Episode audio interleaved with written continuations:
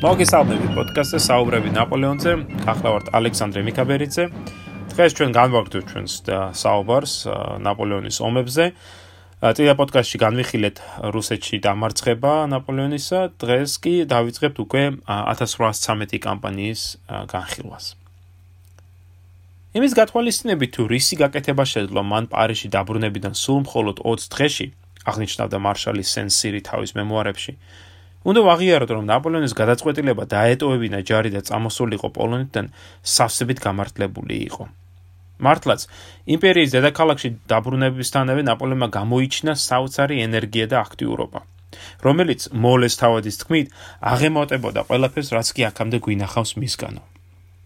ორტანზია ბოჰარნე, რომელიც მამობილის სანახავად მივიდა ტიულერის სასახლეში, გაოცებული იყო მისი აქტიურობით. მართალია მომეჩვენა რომ ის გადაღლილი იყო, მაგრამ საოცრად შემართებულიო. ნაპოლეონმა პარიზში მხოლოდ 17 კვირა გაატარა, მაგრამ ამ მოკლე ხანში მან დიდი სამუშაო ჩაატარა ფრანგული ჯარის აღსადგენად.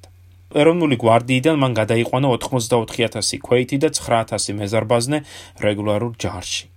16000 კაცი იქნა გადაყვანილი საზღვაო ძალებიდან. შემდეგ ნაპოლეონმა გაიწვია 100000 ახალწეული 1809-1812 წლების კლასებიდან. ხოლო 1813-1814 წლებიდან წლების კლასებიდან იქნა გაწეული 150000 ახალწეული. ამ 250000 კაციდან მან ჩამოაყალიბა 30-ზე მეტი ახალი ქვედანაყოფი. ნაპოლეონის ზედამხედველობის ქვეშ დაიწყო 150000 მეტი ტოფი ტოფის წარმოება.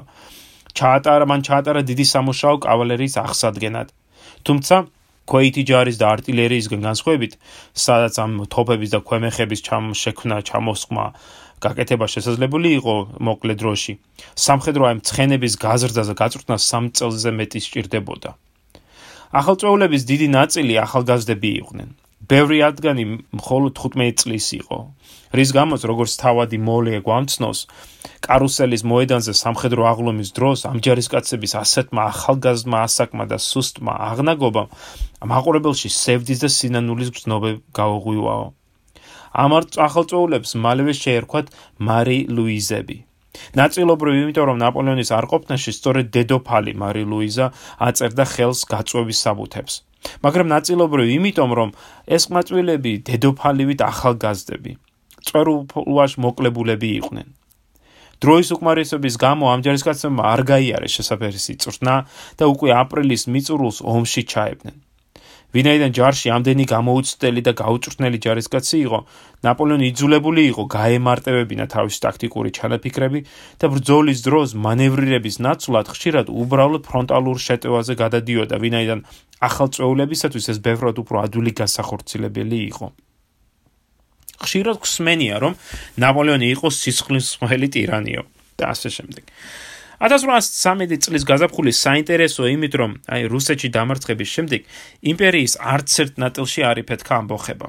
არც ჰოლანდიაში, არც შვეიცარიაში, არც იტალიაში, ან გერმანიის რომელიმე ნაწილში, რომ არაფერი ვთქვა თვით საფრანგეთში, არც ერთ ამ ტერიტორიებში არ აღენიშნა ნაპოლეონის საწინააღმდეგო გამოსვლა. შეიძლება ითქვას, რომ ევროპის მოსახლეობა უმეტესობა ამ მოსახლეობის ნაპოლეონის რუსეთში დამარცხებას შეხვდა გულგრილად.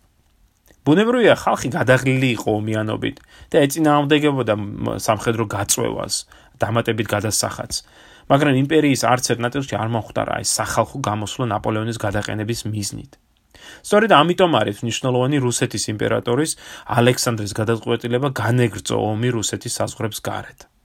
რუსული ჯარი რომ გაჩერებულიყო საზღვრებთან, როგორც ამას ფელდმარშალი კუტუზოვი და სხვა რუსი გენერლები ითხოვდნენ, ნაპოლეონი ალბათ შეძლებდა იმპერიის შენარჩუნებას ბევრად უფრო ხანძლივი დროის განმავლობაში. მაგრამ ალექსანდრეს გადაწყვეტილებამ განეგრძო ომი სამართლად საბედისწერო გამოდგა. 1812 წლის მიწურულს რუსებმა ხელი მოაწერეს ტაუროგენის კონვენციას პრუსიელ გენერალ იორკთან, რომელმაც თავისი მეფის ფრიდრიხ ვილჰელმის პირდაპირი ბრძანების მიუხედავად დათანხმდა, განსგომოდა ფრანგებს და აღარ მიიღო მონაწილეობა სამხედრო მოქმედებებში. მართალია პრუსიის მეფემ დაგმო იორკის ეს გადაწყვეტილება, მაგრამ ტაუროგინის კონვენციამ დიდი ზიანი მიაყენა ფრანგებს. ვინაიდან რუსებს მიეცათ საშუალება იორკის корпуსზე გვერდზე ავლით ფლანკიდან შეეტიათ ფრანგებისათვის. სწორედ ამიტომ ეჟენ ბოჰარნე, რომელიც ხერდათავრობდა დიდ არმიას, იძულებული იყო მიეტოვებინა პოზიციები მდინარე ვისტულაზე და უკან დახეულიყო. რიცაც მთელი აღმოსავლეთ პრუსია მან რუსებს დაუთმო. 1813 წლის 8 იანვარს იორკმა მიიღო შეტყობინება, რომ პრუსიის მეფე მიგი თანამდებობიდან გადააყენა. მაგრამ იორკმა არა ჩააგდო მეფის ბრძანება. ბერლინში გაგზავნილ საფასუხო წერილში იორკმა განაცხადა, რომ იგი ჭეშმარიტი პრუსიელი პატრიოტია, ციტატა ეს. და რომ დადგა დრო პრუსიელებს აღედგინათ თავიანთი ციტატა თავისუფლება და ღირსება. მართალია პრუსიის მეფეს არ სურდა საფრანგეთის ძინაამდე ომი, მაგრამ იორკს და სხვა გენერლებს ომის წყუროდათ. პრუსიამ განვლო საინტერესო გზა იენა აუშტედიდან განცდილის სასტიკი დამარცხების შემდეგ. ეს დამარცხება იმდენად მოულოდნელი და ყოვლის მომცველი გამოდგა, რომ მან გზა გაუხსნა პრუსიელ რეფორმატორთა მცირერეცხოვან გუნდს გარდაექმნა მთელი სახელმწიფო სისტემა. ეს რეფორმატორები და მათ შორის ხაზგასმით მინდა ახსენო ისეთი პიროვნები, როგორებიცა შტაინი, ჰარდენბერგი, გენერლები ნაიზენაუ, შანჰორსტი. ეს რეფორმატორები მოითხოვდნენ პრუსიაში ჩატარდეს ციტატა რევოლუცია ამ სიტყვის კარგი გაგებითო. ამაში ისინი გულისხმობდნენ გარდაქმნას რევოლუციას, მაგრამ აი საფრანგეთში ჩატარებული ტერორის სისხლის ღრის გარეშე. კერძოდ ისინი მოითხოვდნენ დრომოჭმული ტრადიციის გაუქმებას, სამხედრო საადმინისტრაციულ სახელმწიფო სისტემის სულ გარდაქმნას, რის შედეგად მოხდებოდა პრუსიის აღორძინება. 1806 წლიდან მოყოლებული შტაინმა და შანჰორსტმა ჩაატარეს საფუძვლიანი გარდაქმნები, რომელთა დიდი ნაწილი სწორედ ნაპოლეონის რეფორმების ანარეკლია. მათ შორის საფინანსო სისტემის რეორგანიზაცია, ეკონომიური მონოპოლიების, შიდა ტარიფების, ბატონყმობის გაუქმება, საგადასახადო სისტემა იქნა რეორგანიზებული, ადმინისტრაციული სისტემა მოწესრიგებული და რაც ყველაზე მთავარია, სამხედრო მოდერნიზაცია იქნა ჩატარებული. მაგალითად, 193 გენერლიდან, რომელიც პრუსიულ ჯარში მსახურობდა 1806 წელს, მხოლოდ 8 893-დან მსახურობდა 1812 წელს, ანუ 6 წლის მოგვიანებით. ოფიცერთა корпуსმა განიცადა სრული გარდაქმნა. ასობით ხანდაზმული და უნიჭო ოფიცერი იქნა გარიცხული. თუ ადრე ოფიცერთა корпуსი გაცვლი იყო მხოლოდ თავადაზნაურობისათვის, შანხორსი რეფორმების შედეგად ოფიცერთა корпуსში მოხვედრა შესაძლებელი გახდა ნებისმიერი ნიჭიერი პიროვნებისათვის მისი სოციალური წარმომავლობის მიუხედავად. სამხედრო სკოლებში დაწესდა ახალი საგამოცდო სისტემა, რომელიც უზრუნველყოფდა შესაფერის განათლების და ნიჭის მქონე პიროვნებების მოხვედრას. უფრო მეტიც, შეიქმნა ახალი სამხედრო სისტემა, რომელიც რეგულარული ჯარის გარდა რომლის ზომას ნაპოლეონი საკმაოდ კაცრად აკონტროლებდა, შეიქმნა ლანდვერი და ლანდსტურმი. პრუსიის ყველა მამაკაც ევალებოდა სამხედრო წვნის გავლა, რის შემდეგ იგი ირეცხებოდა ლანდვერში და მზად უნდა ყოფილიყო ომის შემთხვევაში გაწვეულიყო რეგულარულ ჯარში. ალბათ არ გადავაჭარბებ თუ ვიტყვი რომ ამ სამხედრო რეფორმებს შორის ყველაზე მნიშვნელოვანი გამოდგა მაინც აი ახალი გენერალური შტაბის შექმნა, რომელიც ამიერიდან გაუძღობა პრუსიის სამხედრო ძალებს.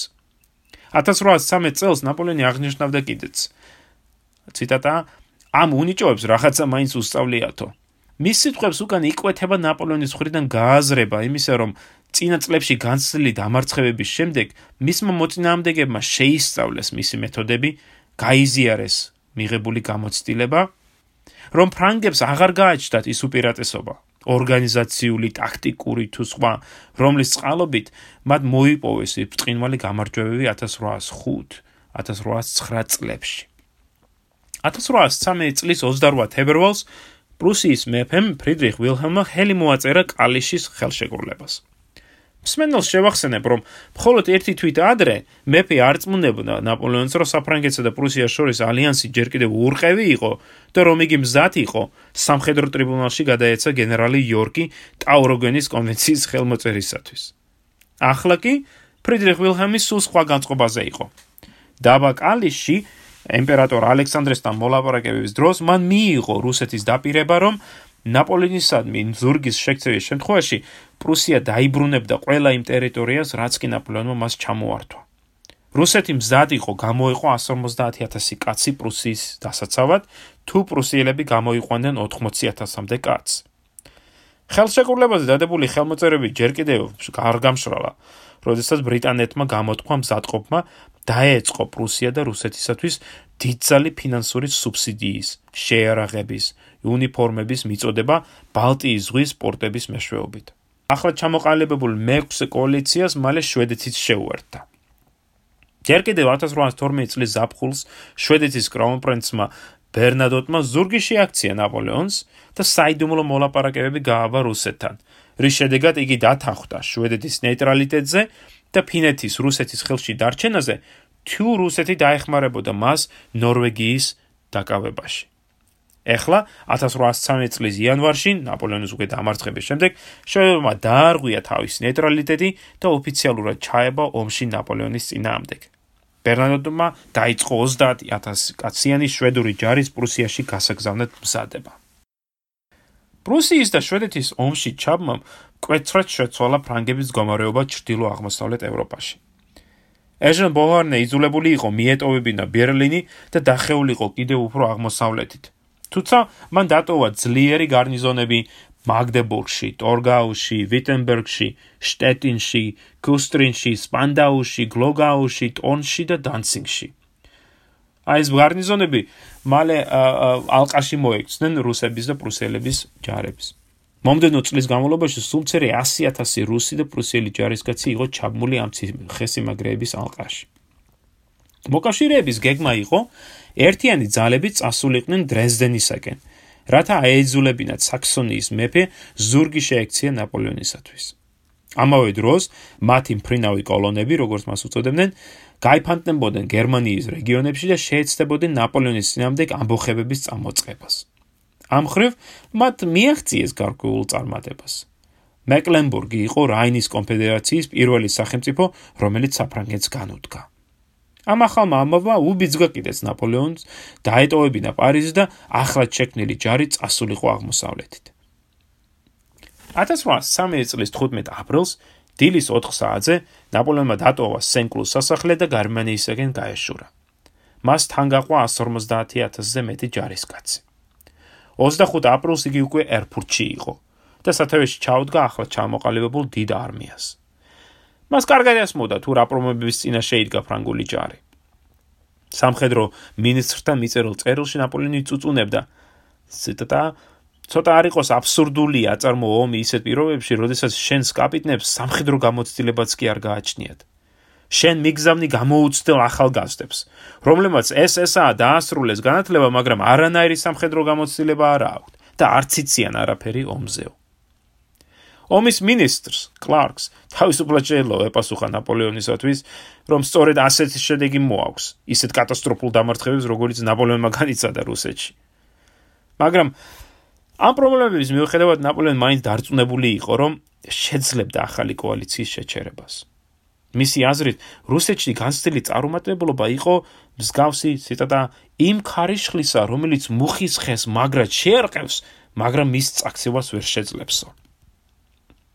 აპრილის მიწურულს ნაპოლეონმა გადაკვეთა მდინარე ელბა და თავისი ახლო მოკავშირე საქსონიის მეფის ტერიტორიაზე შევიდა.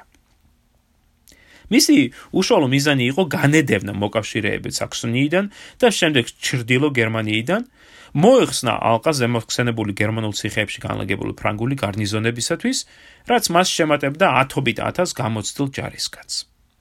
ნაპოლეონმა თავის ჯარი განალაგა ბატაიონ კაღეს ფორმაციაში. ჩვენ ამაზე ვისაუბრეთ წინა პოდკასტებში, ხო, ნაპოლეონის ესეთი ტრადიციული ფორმატ განლაგება.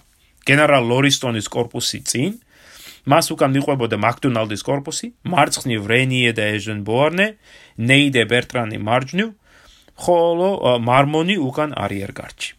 ნაპოლეონის გადაწყვეტილებით, რაც ალბათ მისი ერთ-ერთი ყველაზე დიდი შეცდომა იყო ამ კამპანიაში, მარშალი დავუ, რკინის მარშალი, ალბათ საუკეთესო მარშალი, რაც ნაპოლეონს ყავდა, მარშალი დავუ გაგზავნილი იქნა ჰამბურგის დასაცავად.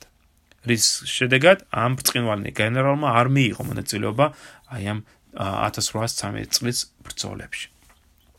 1 მაისს ფრანგები მიუახლოვდნენ ქალაქ ლაიფციგთან განლაგებულ მოკავშირეთა ჯარს. იმ დღეს სოფელ რიპახთან მოწინააღმდეგის პოზიციების უკეთ შესასწავლად ბესიერი ფრონტის ხაზზე გავიდა. ფრანგებსა და რუსებს შორის შეტაკება გამართა და მტრის მიერ ნასრულმა ყუმბარამ სასიკვდილო დაჭრა მარშალი ბესიერი. ნაპოლეონმა დიდად განიცადა ბესიერის ამ ბრწყინვალე პიროვნების სიკვდილიო, აღნიშნა იმპერატორის სასახლის პრეფექტა ლუი ფრანსუა ბოსემ. ეს მართლაც დიდი დანაკარგი იყო. ჩემი ნდობა შენდამი ისევე დიდია, როგორც ჩემს მხრიდან შენი სამხედრო ნიჭის, შენი ვაშკაცობის, წესრიგისა და დისციპლინისადმი შენი თავდადების დაფასებაო. ნაპოლეონმა ერთხელ მიწერა ბესიერს. ამიერიდან მას აღარ ეყოლება დიდი არმიის ბაიარდი, როგორც ბესიერს უწოდებდნენ ჯარში.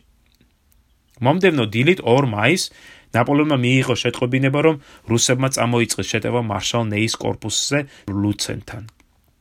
ნაპოლეონს მალე მოусმა კიდეც ქვემეხების როლის ხმა და რამდენიმე წუთიანი დუმილის შემდეგ მან ადგილზევე შეიმუშავა საბრძოლო გეგმა. ნეიმა მიიღო ბრძანება განეგრძო თავისი პოზიციების დაცვა და ჩაეთრია მოწინააღმდეგის ძალები. ნაპოლეონმა შემდეგ უბრძანა ბერტრანს, მიეტანა იერიში მოწინააღმდეგის მარცხენა ფლანგზე, ხოლო მაკდონალდს იგივე ეკნა მარჯვენა ფლანგზე. ლორისტონის корпуსი დარჩა რეზერვში. მართალია ჩვენ არ გვაქვს საკმარისი კავალერია, მაგრამ ეგ არაფერიო, აღნიშნავდა ნაპოლეონი.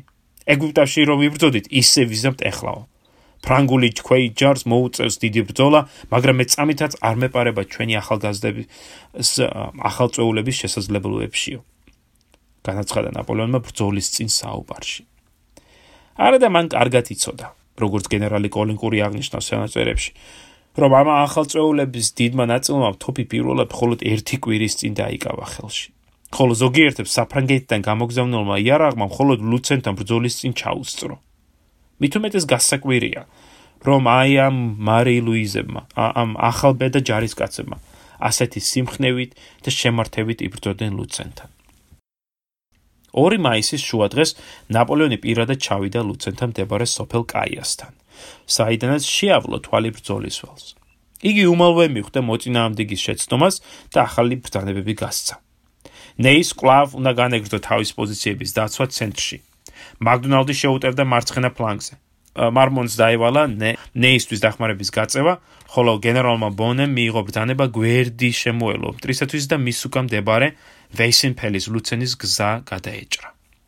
საღამოს 6 საათისათვის ნაპოლეონმა დაინახა, რომ რუსულ ჯარის შეტევები შესუსტა და მიხვდა, რომ მოწინააღმდეგის რეზერვები გამოელია. მან დაუყოვნებლივ უბრძანა გენერალ დრუოს წინ გაეწია იმპერიული გვარდიის ქვემეხები და შეექმნა თითქმის 200 ქვემეხიანი დიდი ბატარეა, რომელმაც გამანადგურებელი ცეცხლი გაუხსნა მოწინააღმდეგეს. შემდეგ ნაპოლეონმა უბრძანა მორტიეს გადაცულიყო შეტევაზე გვარდიით, რომლის 10000-მა მეტმა ვეტერანმა გრიგალივით გადაკვეთეს ბრძოლის ველი ვივ ემპერორს შეძახილებით. მათ დაიკავეს სოფლები და განდევნეს მოწინააღმდეგე. რომელსაც სხვა არაფერი არ დარჩენოდა გარდა იმისა, რომ გასცლოდნენ ბრძოლის ველს. ნაპოლეონისათვის ეს მნიშვნელოვანი გამარჯვება იყო. ვინმე მან ნათლად აჩვენა მოკავშირეებს, რომ მას ჯერ კიდევ შესწევდა ძალღონე დაიმარცხებინა მათი გაერთიანებული ძალები. მაგრამ ეს გამარჯვება ძიმე დაუჯდა ფრანგებს. თითქმის 3000 დაღუპული, 16000-ზე მეტი დაჭრილი. ვიდან ნაპოლეონს არ გააჩნდა საკმარისად დიდი და ძლიერი კავალერია, მან ვერ შეძლო მოკავშირეებს დადევნება, რამაც რუსებს და პრუსიელებს უკან დახევის და გადაჯგუფების საშუალება მისცა. მაგრამ შედეგი მაინც სახეზე იყო. 1813 წლის კამპანიის პირველივე ბრძოლაში მოკავშირეები დამარცხდნენ. მათ დაკარგეს 15 15000-ზე მეტი კაცი და ნაპოლეონი კვლავ აკონტროლებდა მთელ საქსონიას და მდინარე ელბის დასავლეთ სანაპიროს. დღეს ძალიან დავიღალეო. ამბობდა ნაპოლეონი ბრძოლის შემდეგ ღამის 11 საათზე ცოლთან მიწერილ წერილში. მაგრამ მოვიპოვე სრული გამარჯვება რუსულ და პრუსიულ ჯარებზეო. ჩემი ჯარისკაცები დიდებით შეიმოსნენ. ჩემი ბიჭუნა დამიკოცნე. ჩემზე კი ნუიდარდებ, კარგად ვგნობ თავსო. იმავე ღამეთ ნაპოლეონმა დაწერა პროკლამაცია ჯარისათვის. ჯარისკაცნო, მე ძალიან კმაყოფილი ვარ თქვენით. თქვენ ყველა ჩემი მოლოდინი გაამართლეთ. ჩვენ აუცილებლად შევძლებთ ამ თათრების ამ თათრებში რუსებს გულისხმობს. ამ თათრების უკან დავიან საზარელ რეგიონებში შერეკვას, საერთოდ ისინი არასოდეს არ უნდა გამოსულიყვნენ. დაედარჩნენ ისინი თავიან გაყინულ უდაბნოებში, სადაც მონობა, ბარბაროსობა და კორუფცია ზეიმობს, სადაც ადამიანს საქონელზე უფრო ვარესად ექცევიანო. ამასობაში მოკავშირეთა ბანაკში არეულობას უფევდა. რუსები მოითხოვდნენ ავიანტ საზღვრებისაკენ უკან დახევას, რაც მათ საშუალებას მისცემდა მიიღო დახმარე ძალები და სურსაცანოვაკი. ბუნებრივია პრუსიელებს ეს არ მოსწონდათ. ვინაიდან რუსეთისაკენ უკან დახევა გზას გაუხსნიდნენ ნაპოლეონს ბერლინისაკენ. ამიტომ ისინი ჩრდილოეთით უკან დახევას მოითხოვდნენ. საბოლოოდ მოკავშირეები დათანხმდნენ ორ კოლონად დახეულიყვნენ დინარეს ელბის გადაღმა. გენერალმა ვიტგენშტაინმა რომელსაც იმპერატორმა ალექსანდრემ ჩააბარა რუსული ჯარის უფროსობა კუტუზოვის გარდაცვალების შემდეგ, გადაწყვიტა გაჩერებულიყო დაბა ბაუცენთან. საიდანაც შეეძლებდა საჭირო ვისამებრ, ან აღმოსავლეთ წასულიყო, ან ჩრდილოეთით პრუსელებისათვის დასახმარებლად. 8 მაისს ნაპოლეონი დრეზდენში შევიდა. სადაც 10 დღის განმავლობაში ასვენებდა ჯარს. მან მიიღო დამხმარე ძალები, მათ შორის მთელი საქსონური ჯარი, რომელიც დიდი არმიის ახალ корпуსად ჩამოყალიბდა. ამავე დროს ნაპოლეონმა მიიღო შემაშფოთებელი ინფორმაცია ავსტრიიდან, სადაც სამხედრო სამზადისი იყო გამოცხადებული. ავსტრია ოფიციალურად იცავდა ნეიტრალიტეტს და როგორც მსმენელს ალბათ ახსოვს, ნაპოლეონის მეუღლე იყო ავსტრიის იმპერატორის ქალიშვილი, რაც ნაპოლეონს იმედს აძლევდა, რომ ავსტრია მოერიდებოდა ომს. მაგრამ ახალი ცნობები მაინც დამაფიქრებელი იყო. რისთვის ემზადებოდა ავსტრია? ცოლთან მიწერილ წერილში ნაპოლეონი აღნიშნავს: მგონი ზოგიერთ ხალხი მამაშენის შეცდომაში შეყვანას ცდილობსო. ეს მეტერნეკი სრული ინტრიგანიაო. თვით ავსტრიის იმპერატორთან ფრანცთან მიწერილ მოკლე წერილში ნაპოლეონი უწოდებს მას ჩემო ძმაო და საყვარელო სიმამრო. და შემდეგ აცნობებს მას, რომ ციტატა არავის სურს შვიდობა ისე როგორც მე მსურსო. მზად ვარ გავაბა დიპლომატიური მოლაპარაკებების ზავის მისაღწევად. მაგრამ როგორც ყველა ცხელსისხლიანი ფრანგი, მე ასევე მზად ვარ ხმლით ხელში დავეცე ბრძოლის ველზე, თუ ვინმე ეცდება ჩემთვის ძალით მოახვიოს რაიმე მოთხოვნებიო. ამავე დროს ნაპოლეონმა დიპლომატიურ მისიით გაგზავნა კოლენკური იმპერატორ ალექსანდრესთან. ამ წერილში ნაპოლეონი წერს: მე მზად ვარ ავაშენო ოქროს ხიდი, რომელიც დააკავშირებს საფრანგეთს და რუსეთსო. მას ჩერ კიდევ სწამდა, რომ ტილზიჩი ალექსანდრესთან მიღწეული ურთიერთ გაგება, ასე ვთქვათ, მეგობრობა, გასჭრიდდა და რუსეთის თავკაცი დასთანხმებოდა დაზავებაზე. ციტატა კიდევ ერთი: როგორც კი ჩვენ შევძლებთ შეხვედრას, ჩვენ აუცილებლად შევძლებთ საერთო ენის გამონახვასო, წერს ნაპოლეონი. საოცარია, რომ ნაპოლეონის ნაირი გამჭრიახი ადამიანი ჯერ კიდევ ვერ ხვდებოდა თუ რაოდენ რაოდენ შეიცვალა მისი ურთიერთობა ალექსანდრესთან. რომ რუსეთის იმპერატორს უკვე სულ სხვა ზრახვები ამოძრავებდა და საფრანგეთთან დაზავება მას ნამდვილად არ სურდა. როდესაც კოლინკური ჩავიდა მოკავშირეთა შტაბინაში, ალექსანდრემ უარი თქვა მოლაპარაკებაზე. 18 მაისს ნაპოლეონმა დატოვა დრეზდენი. მას ჩაფიქრებული ჰქონდა იერეში მიეტენა ქალაქ ბაუცენთან მდებარე მოკავშირეთა ჯარზე, რომელიც თითქმის 97000 კაცს იცვლიდა. მოკავშირეებმა გამოიყენეს ეს დასვენება და საგრძნობლად გაემაგრებინა თავიანთი პოზიციები. ბაუცენის ირგვლივ ფერდობებზე აშენდა 11 ძლიერი რედუტი, ხოლო სამი სამსოფელში ჩატარდა საგანგებო თავდაცვითი სამუშაოები. ნაპოლეონს თან ჰყავდა 90000 კაცი ბერტრანის, მარმონის და მაგდონალდის корпуსებში. ამას უნდა დავუმატოთ იმპერიული გვარდიო და უდინოს корпуსი. მაგრამ მოწინააღმდეგის პოზიციების შესწავლისას ნაპოლეონმა შენიშნა მტრის მიერ დაშვებული შეცდომა. მათი პოზიციები ჩრდილოეთისთან დაუცველი იყო. სწორედ აქ აპირებდა ნაპოლეონი მთელი ორი корпуსის, ნეის და ლორესტონის მეთაურებით გაგზავნას. თუ ისინი დროზე მოასწრებდნენ მისვლას, ნაპოლეონი ბრძოლის ძველზე თავს მოუყრიდა 160.000 მეტ ჯარისკას, მაშინ როდესაც როგორც აღნიშნე მოკავშირეებს 97.000 დაახლოებით 97 კაცი 1000 კაცი ყავდათ. აქ კვლავ ხედავ ნაპოლეონის სამხედრო ხელოვნების ერთ-ერთ უმთავრეს პრინციპს. ძალთა კონცენტრაციას გადამწყვეტ წერტილში მოწინააღმდეგი ცეცხალი ძალის გასანადგურებლად. იგი კარგად უწყობდა, რომ მოკავშირეთა ხელმძღვანელობას არ ძალუძდა მსგავსი მანევრირების ჩატარება.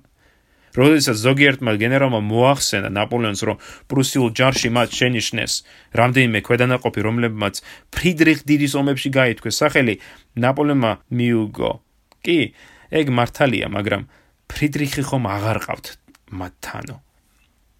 ბაუცენის ბრძოლა დაიწყო 1813 წლის 20 მაისს ხუჩაბა დილით ადრე, როდესაც მარშალ უდინოს корпуსმა ძლიერი იერეში მიიტანა მოკავშირეთა მარცხენა ფლანგზე.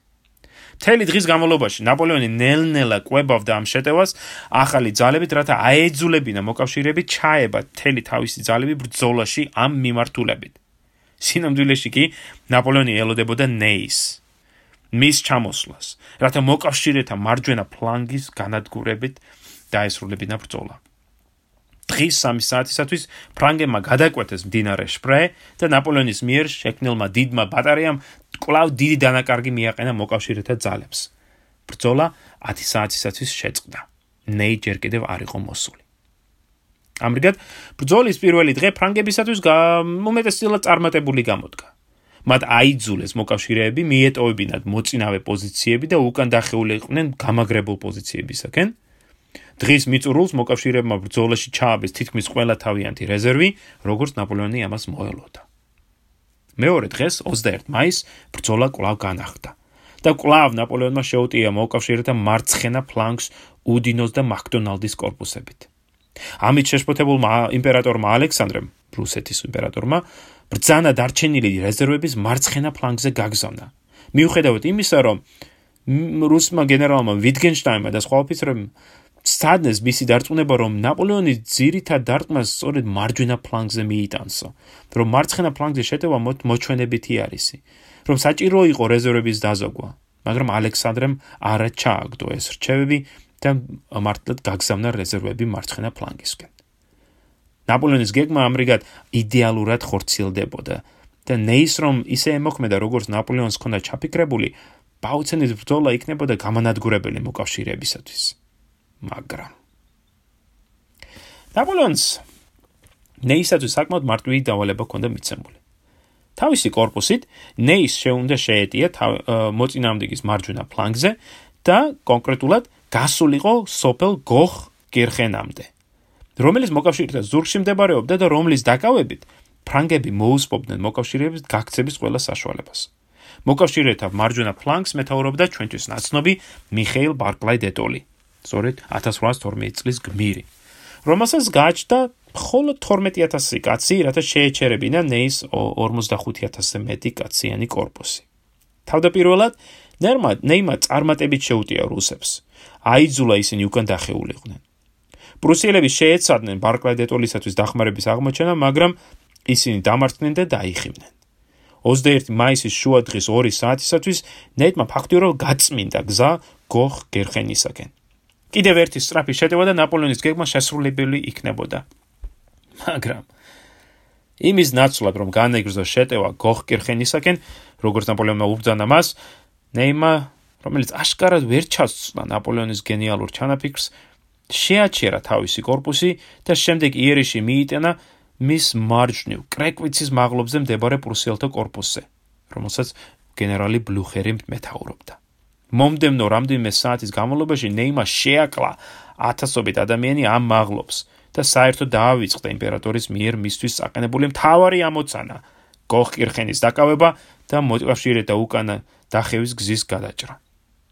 ამრიგად ბრძოლა, რომელიც უნდა დასრულებულიყო ფრანგების წინვალი გამარჯვებით და მოკავშირეთა განადგურებით, ფაქტობრივად უშედეგო გამოდგა. კი. ნაპოლეონმა გაიმარჯვა. კი, მოკავშირეებს მიაყენა მძიმე დანაკარგი. დაახლოებით 15000 კაცი დაკარგეს მათ. კი, მოკავშირეები იძულებულები იყვნენ დახეულიყვნენ უკან, მაგრამ ნაპოლეონმა ხომ ვერ გაანადგურა ისინი. მოკავშირეები მიუხვდნენ ნაპოლეონის ჩანაფიქრს და შუა დღის 4 საათისათვის დაიწყეს სასწრაფოდ ბრძოლიდან ბრძოლის ველიდან გაცვლა. რაშიც მათ დიდად დაეხმარათ სწორედ გოხკირხენზე გამავალი ძირითადი გზა. აქ ისევე როგორ ლუცენთან კვლავ გადამწყვეტი როლი ითამაშა ფრანგული კავალერიის სისტემ. ნაპოლეონმა ვერ შეძლო დადევნება და მოწინააღმდეგისათვის დამატებითი ზიანის მიყენება. ან ბრძოლის შემდეგ აი ეს მოწესრიგებაში ხელის შეშლა. ნაპოლეონი მეტად გაწმილებული იყო ამ წარმატებლობით. ეს გრძნობა მას კიდევ უფრო გაუმძაფრდა მას შემდეგ რაც მან მიიღო შეტყობინება რომ მიშელ დიუროკი მისი უახლოესი მეგობარი და ამ სიტყვას მე განგები ვიყენებ, ვინაიდან დიუროკი მისი ყველა ახლო და სანდო ადამიანი იყო, რომ დიუროკი სასიკვდილო დაიჭრა ბაუცენის ბრძოლის შემდეგ სოფელ რაიშენბახთან მომხდარ შეტაკებაში 22 მაისს. ჯეროკი უკანასკნელი წუთები ტანჯვითა და ტკივილით სავსე გამოდგა. ტრის ყუმბარა მას მუცელში მას მუცლის არეში მოხვდა და გამოფატრა ფაქტიურად. ნაპოლეონის შემდგომში იგონებდა თუ რა გამაოგნებელი იყო მისთვის ნიუ-იორკის ამ ბოლო წუთების ნახვა. მისი ნაწლავები გარეთ ეყარაო და ის განუწყვეტლივ მემუდარებოდა მომეკალი, მოვეკალი იქვეო. ნიუ-იორკის დაღუპვა დიდი პირადი ტრავმა იყო ნაპოლეონისათვის. ცოლთან მიწერილ წერილში იგი გულკატეხილი იუწყება. გუშინ თელი დღე ძალიან სევდიანი ვიყავი ნიუ-იორკის გარდაცვალების გამო. ის ხო ჩემი მაგობარი იყო 20 წლის განმავლობაში. მე ერთხელაც არ მქონია მიზეზი ჩივილი გამომეთქვა მასზე. ხარდაჭერის და თანდგომის გარდა არაფერი მიმიღია მისგანო. მისი სეკვდილი აუნაზღაურებელი დანაკლისია ჩემთვის. ალბათ ყველაზე დიდი დანაკლისი რაც კი მე შემიძლია განვიცადო ჯარშიო. ჯუროკი წარმოადგენდა კიდევ ერთ ახლო თანამებრძოლს, რომელიც ნაპოლეონმა დაკარგა. მირონი არკოლასთან, ბრუიე აბუკირთან, კაფარელი აკრასთან, კორბინო ელაუსთან, ლანი ასპერნ ესლინგთან, ლაზალი ვაგრამთან, ბესიერი ლუცენთან. ახლო და სანდო ხალხის რიცხვი სწრაფად მცირდებოდა. სწორედ მაშინ, როდესაც ნაპოლეონი ყველაზე მეტად საჭიროებდა მათ. ლუცენის და ბაუცენის ბრძოლების შედეგად ნაპოლეონმა განიტკიცა პოზიციები გერმანიაში, მაგრამ ეს მას ძალიან ძვირი დაუჭდა. მაისის სამხედრო ოპერაციებში მან 40000-ზე მეტი ჯარისკაცი დაკარგა. დარჩენილები დასვენება საჭიროებდნენ. სწორედ ამიტომ დათანხმდა ნაპოლეონი მოკავშირეთა შეთავაზებას მიიღო დროებითი დაზავება. როგორც ის აღნიშნავს სამხედრო მინისტრთა მიწერილ წერილში, ეს ციტატა: ორმა ფაქტორმა ბიბიძგა ამ დაზავების მიღებაზე. პირველ რიგში კავალერიის სისტემ რის გამოც მე ვერ შევძელი გამანადგურებელი დარტყმების მიყენება მტრისათვის და მეორე ავსტრიის მტრული განწყობილებაა. ნაპოლეონის მხრიდან დაზავების მიღება მართლაც გამორჩეული მომენტია მთელს მის კარიერაში.